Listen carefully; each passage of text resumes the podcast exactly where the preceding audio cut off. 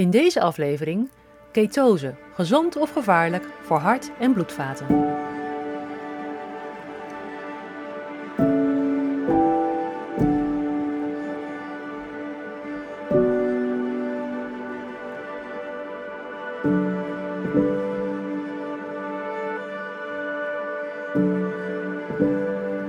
Welkom bij de Keto Podcast. De 41ste aflevering is het alweer en mijn naam is Louisa Blikkenhorst. Ten eerste wil ik jou, jij, de luisteraar, super bedanken voor het luisteren naar deze podcast. Ik let eigenlijk nooit veel op de cijfers, alleen naar het aantal luisteraars per aflevering en dat ging al best wel lekker. Tot ik ontdekte dat je ook de totale hoeveelheden kunt zien en toen was ik wel even sprakeloos, want bij aflevering 40 stond het totaal aantal downloads al op dik 70.000 keer. En ik heb geen idee hoe dat is in vergelijking met andere podcasts, of dit juist goed is, of dat helemaal niks voorstelt. Maar ik ben er heel blij mee. Dus ruim 70.000 keer nam iemand de moeite om te luisteren naar een aflevering van deze podcast. En daarmee kan ik met trots en met grote voldoening zeggen dat ik al aardig op weg ben naar mijn missie om zoveel mogelijk mensen kennis te laten maken met ketogeen dieet, zowel als leefstijl en als therapie. Het is mijn doel dat wanneer je over een paar jaar bij de huisarts komt of bij de diëtiste of, of in het ziekenhuis uh, en je zegt dat je met een ketogene voeding wilt beginnen om je gezondheid te verbeteren, dat er niet diep gezucht wordt en met de ogen gerold wordt om je vervolgens vol medelijden aan te kijken en te zeggen: Ach mevrouw of, ach meneer, laat maar uit uw hoofd, want dat is een heel gevaarlijk dieet. Ik zou het geweldig vinden als er op zijn minst kan worden geknikt en desnoods wordt verwezen naar een ketocoach of ketotherapeut en dat het gewoon geaccepteerd wordt. En dat je als mens serieus genomen wordt als je op deze manier aan je gezondheid wilt gaan werken. Nou, dat dus, dat is een soort droom van me en hoe mooi zou het zijn als we daar stap voor stap naartoe kunnen gaan. En het feit dat er zo vaak geluisterd is naar mijn podcast en dat er steeds vaker mensen zijn die contact opnemen met vragen over een onderwerp of die een afspraak willen maken voor een adviesgesprek. Of die zo mega enthousiast zijn geworden dat ze er alles over willen leren en een scholing komen volgen. Nou, dat geeft me vertrouwen dat het een goede kant op gaat. Sinds 20 maart zijn we met een groep bezig met zo'n 35 deelnemers met de Keto Switch Challenge. En dat is echt super leuk om te doen. Er zijn echt allerlei deelnemers. De een heeft al vaker ketogeen gegeten en voor de ander is het echt helemaal nieuw. En samen gaan we dag voor dag opbouwen naar de ketogene fase. En op de dag dat deze podcast uitkomt, zijn we halverwege week 2. En zijn ze, als het goed is, uh, al aan het begin van ketose gekomen, of bijna, maar het duurt niet lang meer. En het mooie was dat zelfs afgelopen weekend, aan het eind van week 1, er al mensen waren die vol trots hun ketonenmeter lieten zien of hun ketonenstickje. En ja hoor, positief testresultaat zo ontzettend gaaf en zo leuk om te zien dat die deelnemers ook zo blij zijn voor elkaar, elkaar steunen en feedback geven in de uh, online community. En ik moet zeggen, ik ben echt heel aangenaam verrast door deze hele ervaring. En ik ben zeker weten van plan om nog voor de zomer een tweede Keto Switch Challenge te gaan doen.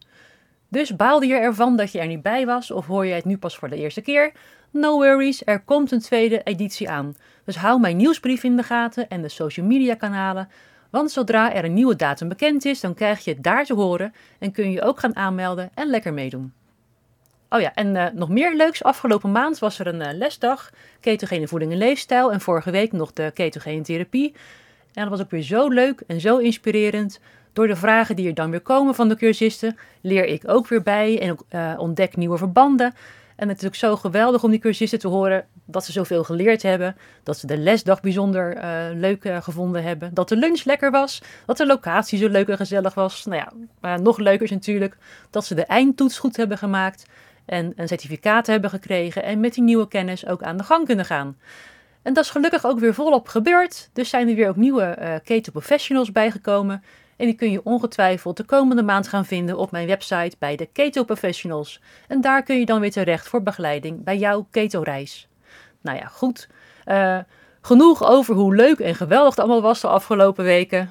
Uh, in de vorige aflevering hoorde je al hoe actueel het onderwerp over hartgezondheid en keto was. En toen heb ik het gehad over erythritol en of er ook iets klopt van de studie waaruit geconcludeerd werd dat ketogeen eten zo slecht is voor je hart. Nou, nee dus, kan ik je alvast in geruststellen. Luister maar naar aflevering nummer 40. En het viel me op dat ik de laatste maand ineens meer vragen kreeg van luisteraars over hartgezondheid en over een ketogeen voedingspatroon. En doordat er zo, uh, zo gehamerd wordt, regulier gezien, uh, op dat vet eten zo slecht is voor je hart en je bloedvaten en dat een hoog cholesterol een risicofactor is, vragen veel mensen zich af of ze er goed aan doen om meer vetten en eiwitten te gaan eten en minder koolhydraten. Een ketogeen voedingspatroon lijkt haaks te staan op de algemene adviezen voor een gezond hart. En met dit onderwerp wilde ik al aan de slag, maar ik twijfelde een beetje, want het is een ja, enorm controversieel onderwerp. Maar noem het divine intervention of toeval, maar geheel onverwacht kreeg ik het verzoek om een nieuw boek te lezen en de schrijver daarvan te interviewen. En laat dat nou het boek zijn van de Amerikaanse hartchirurg Dr. Philip Ovaria met de titel Stay off my operating table. Dit boek is nu vertaald in het Nederlands en sinds vorige week te koop en het heet Blijf weg van mijn operatietafel. Ik kende Dr. Ovaria al een beetje, ik eh, volgde hem al, maar zijn boek had ik nog niet gelezen. En ik kreeg nu dus gewoon toegestuurd en ook nog de kans om met hem een interview te doen voor de Keto Podcast. Dus dat moet een goed voorteken zijn, dacht ik. Uh, ik ben me gaan inlezen en ja, ik durf het nu aan om daar een podcast over op te nemen. Sterker nog, ik wijd de hele maand april eraan. Dat betekent dat zowel deze podcast als de twee volgende afleveringen helemaal over dit thema gaan. In deze aflevering ga ik met je kijken naar of ketose nou uh, gevaarlijk is of gezond voor het hart en de bloedvaten. In de volgende aflevering, die over twee weken uitkomt, kun je gaan luisteren naar het interview met dokter Philip Ovadia. En ik verklap dus niets over het boek verder, dat mag hij allemaal zelf gaan vertellen. En daarna kun je het ook zelf gaan lezen natuurlijk. En in de aflevering die daarna komt, gaan we kijken naar de zin en onzin van cholesterolwaardes. Maar vandaag ga ik het met je hebben over waarom het van levensbelang is om metabol gezond te zijn, ook en vooral voor het hart en de bloedvaten. Laten we beginnen met preventie. Hoe zorg je ervoor dat je geen hartpatiënt wordt? We weten allemaal inmiddels dat roken een heel slecht idee is en dat je absoluut uh, dat niet moet doen als je lang plezier wilt hebben van je hart. Het is ook geen nieuwtje als ik zeg dat alcohol niet zo handig is. Af en toe een glaasje lijkt me voor de meesten geen probleem. Maar ik hoef je niet uit te leggen dat meer en vaker dan dat ongezond is. We weten ook allemaal dat we aan voldoende slaap moeten komen. Dat we moeten werken aan meer ontspanning en minder moeten stressen. Dat we lekker vaak moeten gaan bewegen en naar buiten moeten. Dit is bij iedereen toch meestal wel bekend. Maar dan de voeding. Daar is zo ontzettend veel uh, verschillend advies en inzicht over te vinden dat je haast niet meer weet waar je aan toe bent. Laten we beginnen met een schot voor open doel en dat is dat gezond eten, een voedingspatroon wat ook goed is voor je hart en bloedvaten, vooral bestaat uit echte voeding. Niet uit pakjes, niet uit zakjes, potjes, mixjes en zeker niet uit wat je thuis bezorgd krijgt als je een koerier bestelt. Voorop staat dat je kiest voor volwaardige voeding, verse producten zoals groenten, fruit, vis, gevogelte, vlees, eieren, zuivel, goede vetten, noten en zaden.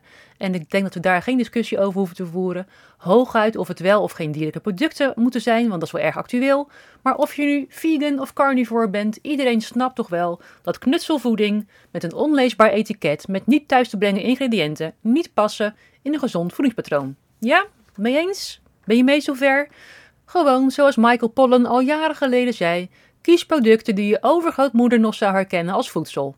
Maar dan, ga je vervolgens voor vetarm en koolhydraatrijk? Moet je voorzichtig zijn met eiwitten of juist niet? Of is een vetrijk en koolhydraatarm voedingspatroon beter voor het hart? Als je gaat zoeken op internet, word je met de meest uiteenlopende adviezen om je oren geslagen. Ik heb even gekeken op de website van het voedingscentrum en daar is al sinds jaar en dag het advies om minder verzadigde vetten te eten, niet meer dan 6 gram zout per dag te nemen en voldoende groente, fruit, vis en volkoren producten te eten. Het komt erop neer dat je 1. verzadigd vet moet vervangen door onverzadigd vet, dus bijvoorbeeld geen roomboter meer, maar margarine of halverine uit een kuipje. 2. De volvette zuivelproducten moet vervangen door magere varianten. Uh, nummer 3. Matig het eten van vlees en varieer met vis, peulvruchten, ei en noten. Nummer 4. Drink geen alcohol. Nou, daar kan ik me dan nog wel in vinden. Nummer 5. Drink minder ongefilterde koffie, want dat verhoogt LDL-cholesterol. En nummer 6. Beweeg genoeg en daar ben ik het helemaal mee eens. Deze adviezen zijn gebaseerd op het idee dat verzadigde vetten slecht zijn voor je hart en dat uh, eh, LDL-cholesterol een heel groot risico is voor het dichtslippen van de bloedvaten. En dit is zowat een volkswijsheid geworden. Iedereen weet dit, maar klopt het wel? In de derde aflevering in het thema van deze maand ga ik het voornamelijk hebben over cholesterol. En tijdens het interview met Dr. Elvadia komt dit ook vast te sprake. Daarom ligt ik nu alvast een tipje van de sluier op. Een verhoogd LDL-cholesterol is 9 van de 10 keer een reactie op inflammatie in de wanden van de bloedvaten. Het is een manier van het lichaam om de schade te repareren. Minder eten van voeding die rijk is aan cholesterol helpt in dat geval niet voldoende. In de lever kan namelijk naar behoefte nieuw cholesterol gemaakt worden. Regulier wordt je dan medicatie voorgeschreven, dus statines, hè, om de cholesterol te verlagen. En ik snap de gedachte hierachter, maar het is een beetje het paard achter de wagen spannen en dweilen met de kraan open. Cholesterol hebben we trouwens voor veel meer doeleinden nodig in ons lichaam en je wil niet dat daar een tekort door ontstaat door de medicatie. Een betere strategie zou zijn het verlagen van de behoefte aan LDL om de schade te repareren. Nou, houd die gedachte vast, want hier komen we in de volgende afleveringen nog op terug. Het andere idee achter de reguliere voedingsvoorschriften is dat er niet te veel verzadigd vet gegeten mag worden. En ondanks dat er in de afgelopen decennia een ware hetze tegen vet gevoerd is, kunnen we stellen dat hart- en vaatziekten nog steeds doodsoorzaak nummer 1 zijn. En ik denk niet dat veel Nederlanders en ook Belgen allemaal vreselijk ongehoorzaam zijn geweest. De meesten zullen het advies opgevolgd hebben en overgestapt zijn op magere producten. En het aanbod aan magere producten in de supermarkt liegt er ook niet om. Inmiddels zijn er onderzoeken gedaan om vast te stellen of het eten van verzadigd vet onomstotelijk in verband gebracht kan worden met hart- en vaatziekten. En wat blijkt? Analyse van diverse studies heeft geen effecten gevonden van verzadigd vet in de voeding op het risico van hart- en vaatziekten. Er is geen onderbouwing te vinden voor de hypothese dat verzadigd vet slecht is voor het hart. En het artikel waar ik dit uh, las komt niet uit de hoek van de alternativo's, maar van een Nederlandse website voor diëtisten. Sterker nog, op diezelfde website is een artikel te vinden waarin geschreven wordt dat verzadigd vet uit yoghurt, kaas en vis gunstig zijn voor het hart. Dus hup, al je waterige kwark de vuilnisbak in en neem weer gewoon lekkere, volle zuivel. Dat is alvast goed nieuwsbericht nummer 1 van vandaag. Maar voor wie moeite heeft om dit te geloven, ik zal de links naar deze artikelen in de show notes voor je zetten.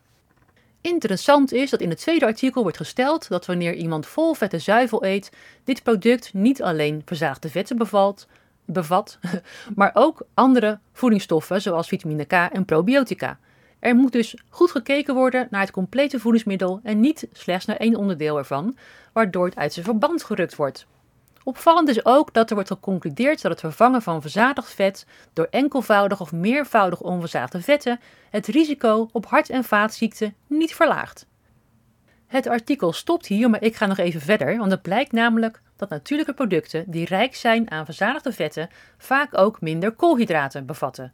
En je begrijpt dat ik het dan niet heb over de bewerkte producten waarin koolhydraten en verzadigde vetten zitten, want die komen eigenlijk nauwelijks voor in de natuur.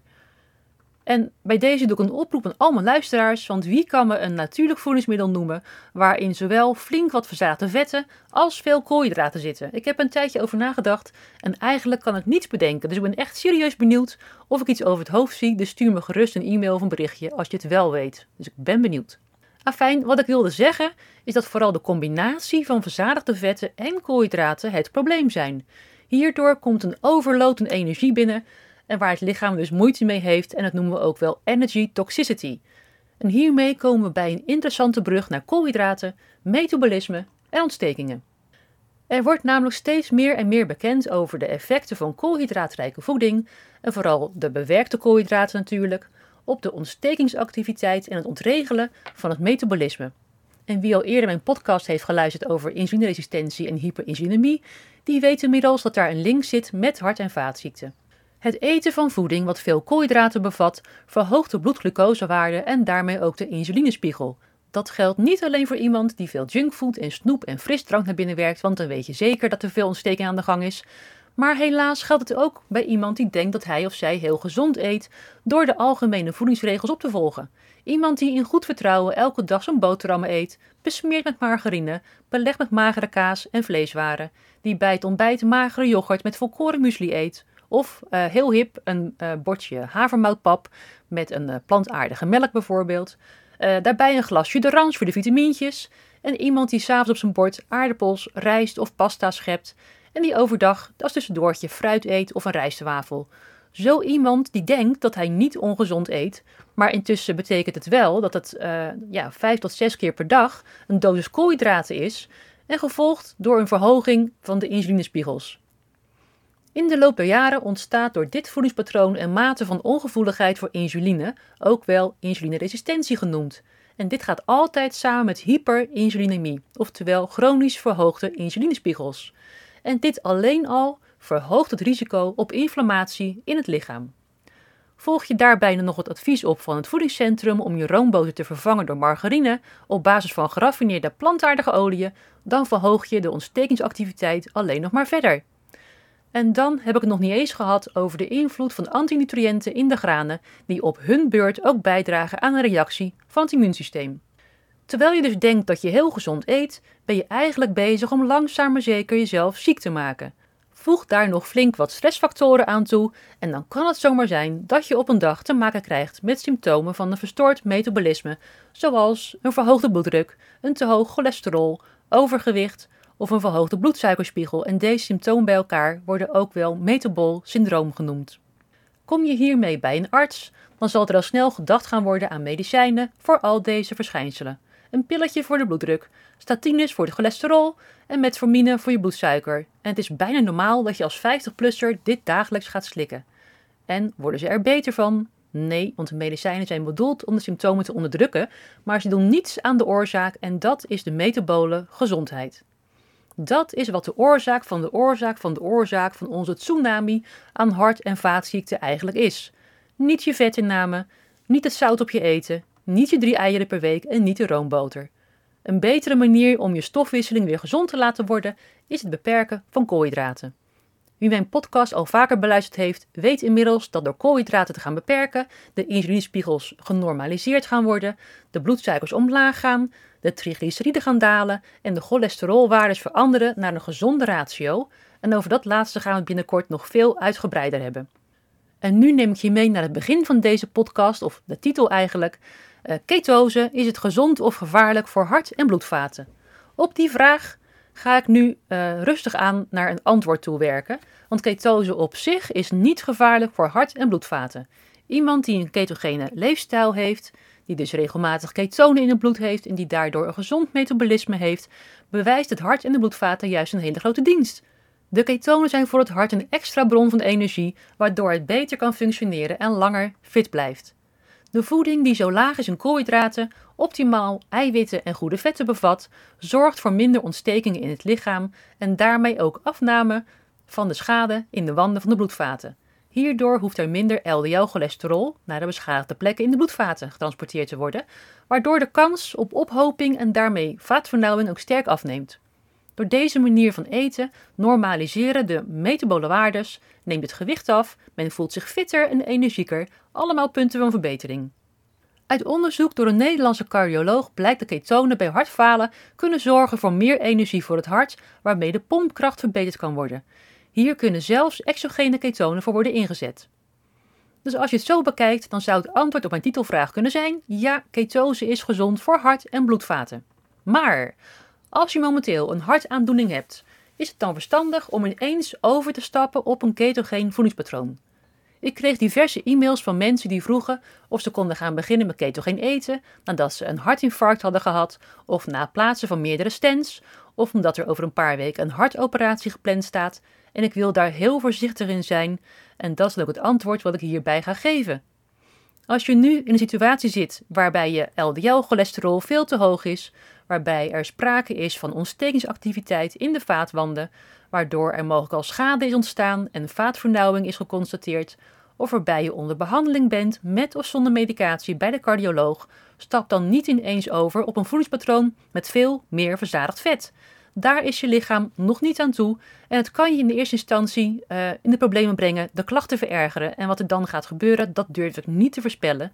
Niet doen dus. Maar wat kun je dan wel gaan doen? Ik heb ook gelukkig goed nieuws voor je, want je kunt zelf inderdaad al wat gaan doen. Zoals ik eerder al vertelde, is een gezond metabolisme de grondslag voor een gezond lijf. En daar kun je al wel aan gaan werken. Begin met alle bewerkte voeding van je menu te schrappen. Volwaardige voeding is nodig, dus alle pakjes, zakjes, sausjes, kant-en-klaar knutselproducten, die kunnen de deur uit. En begin met het beperken van de koolhydraten. Dus ook de zogenaamde gezonde koolhydraten uit brood, pasta, rijst, havermout, muesli enzovoort. Dit brengt al rust in de darmen, rust in je immuunsysteem en in je stofwisseling. Zorg vervolgens voor een gezonde inname van de eiwitten. De bouwstenen die daarin zitten, die heb je heel hard nodig. En begin met minimaal 1 gram eiwitten per kilo van je gezonde lichaamsgewicht. En uh, als dat nu nog 20 kilo minder is dan wat je weegt, dan moet je daarmee gaan rekenen. Dus uh, weeg je nu 90 kilo en is 70 voor jou het gezonde gewicht, reken dan met 70 keer 1 gram eiwit per dag. 70 gram eiwitten per dag dus. Gebruik gezonde vetten voor de bereiding en als dressing en overdrijf dit niet als je hart- en vaatproblemen hebt. Het beeld van een ketogeen dieet, waarbij je dus volop overal roomboter, kokosolie, olijfolie bij doet, um, lekker spek eet en uh, nou, bagger veel vet eet, dat is niet voor de hartpatiënt. Je kunt deze vetten natuurlijk wel gebruiken voor de bereiding van je gerechten, maar uh, ga het niet overal overvloedig aan toevoegen. Zorg daarnaast voor een goed slaappatroon, beweeg elke dag, probeer je stress te verminderen, rook niet, laat de alcohol zoveel mogelijk staan en op deze manier kun je al heel snel je metabole waardes verbeteren en de risicofactoren die bijdragen aan hart- en vaatziekten sterk verminderen. En dat kan je nu dus al gaan doen. Weet je niet hoe en waar je moet gaan beginnen, dan suggereer ik om het Keto Leefstijlprogramma te gaan volgen en voor langere tijd in fase 2 te blijven. Hier eet je nog niet echt ketogeen, maar al wel koolhydraatarm met volwaardige voeding. Daar leer je dus al gezonde voedingsgewoontes aan. En tegen de tijd dat je bloedwaardes en gezondheid verbeterd zijn, dan zou je nog kunnen doorgaan naar fase 3 en daar naar ketose toe kunnen gaan werken. En mijn tweede tip hierbij is om begeleiding te zoeken bij een keto professional, eventueel in samenwerking met je behandelende arts, dan heb je het beste van twee werelden. Tot slot wil ik nog noemen dat als eh, jij iemand bent die wil weten hoe het gesteld is met je metabole gezondheid, dat er een aantal tests zijn die je kunt laten doen. Naast de cholesterol- en triglyceridewaardes is de allerbelangrijkste waarde die je moet weten de insuline. Helaas wordt er in Nederland en België nog nauwelijks getest op insuline. Ik hoorde pas dat het waarschijnlijk wel aan het veranderen is, waar ik dus heel blij mee ben, maar dan nog wordt er alleen nuchter insuline en nuchter glucose gemeten. Dit kan al een indicatie zijn, maar het geeft geen volledig beeld. De allerbeste manier om dit te laten doen is de insuline response test. Hierbij wordt eerst de nuchtere waarde van glucose en insuline getest. Vervolgens krijg je een grote dosis glucose te drinken en hiermee wordt een metabole respons uitgelokt, waarna er nog drie keer geprikt en getest wordt om te zien of die respons een gezond beeld laat zien of dat er een verstoring is. En met deze test kun je in vroeg stadium, jaren en jaren voordat de problemen zich laten zien, al in beeld brengen hoe metabol gezond je bent. Op 11 mei 2023 staat er weer een kliniek op de agenda bij mij waar je zo'n insuline response test kunt laten doen. De link hiervoor zet ik in de show notes zodat je alle informatie kunt gaan vinden. Maar wil je nou eerst een beter beeld krijgen of zo'n test nou voor jou een goed idee zou zijn? Doe dan de gratis insulineresistentiecheck en die vind je in het menu bovenaan mijn website. En ook die link zal ik met je delen in de show notes. En hiermee kun je zelf al inschatten wat jouw situatie is. En met deze antwoorden en deze tips ben ik aan het einde gekomen van de podcast en ik hoop dat ik je hiermee al hele waardevolle informatie heb kunnen geven. Hartgezondheid blijft de hele maand april nog het thema van de podcast. De volgende keer kun je luisteren naar het interview met de hartchirurg Dr. Philip Ovadia. En wil je niet wachten, dan kun je het boek nu alvast gaan bestellen en gaan lezen. En de link daarvoor staat ook in de show notes. In de aflevering die daarna komt, duik ik nog wat dieper in het onderwerp cholesterol. Dan nog een verzoekje van mij aan jou. Vind je mijn podcast waardevol, dan kan je in de app waarmee je luistert een waardering geven, het liefst met 5 sterren natuurlijk, en een mooie review, daar maak je me ook heel blij mee. En daarmee help je de positie van de Keto Podcast omhoog en wordt de podcast door meer mensen gevonden. Mijn naam is Louisa Blikkenhorst. Hartelijk dank voor het luisteren naar deze aflevering van de Keto Podcast en graag tot de volgende.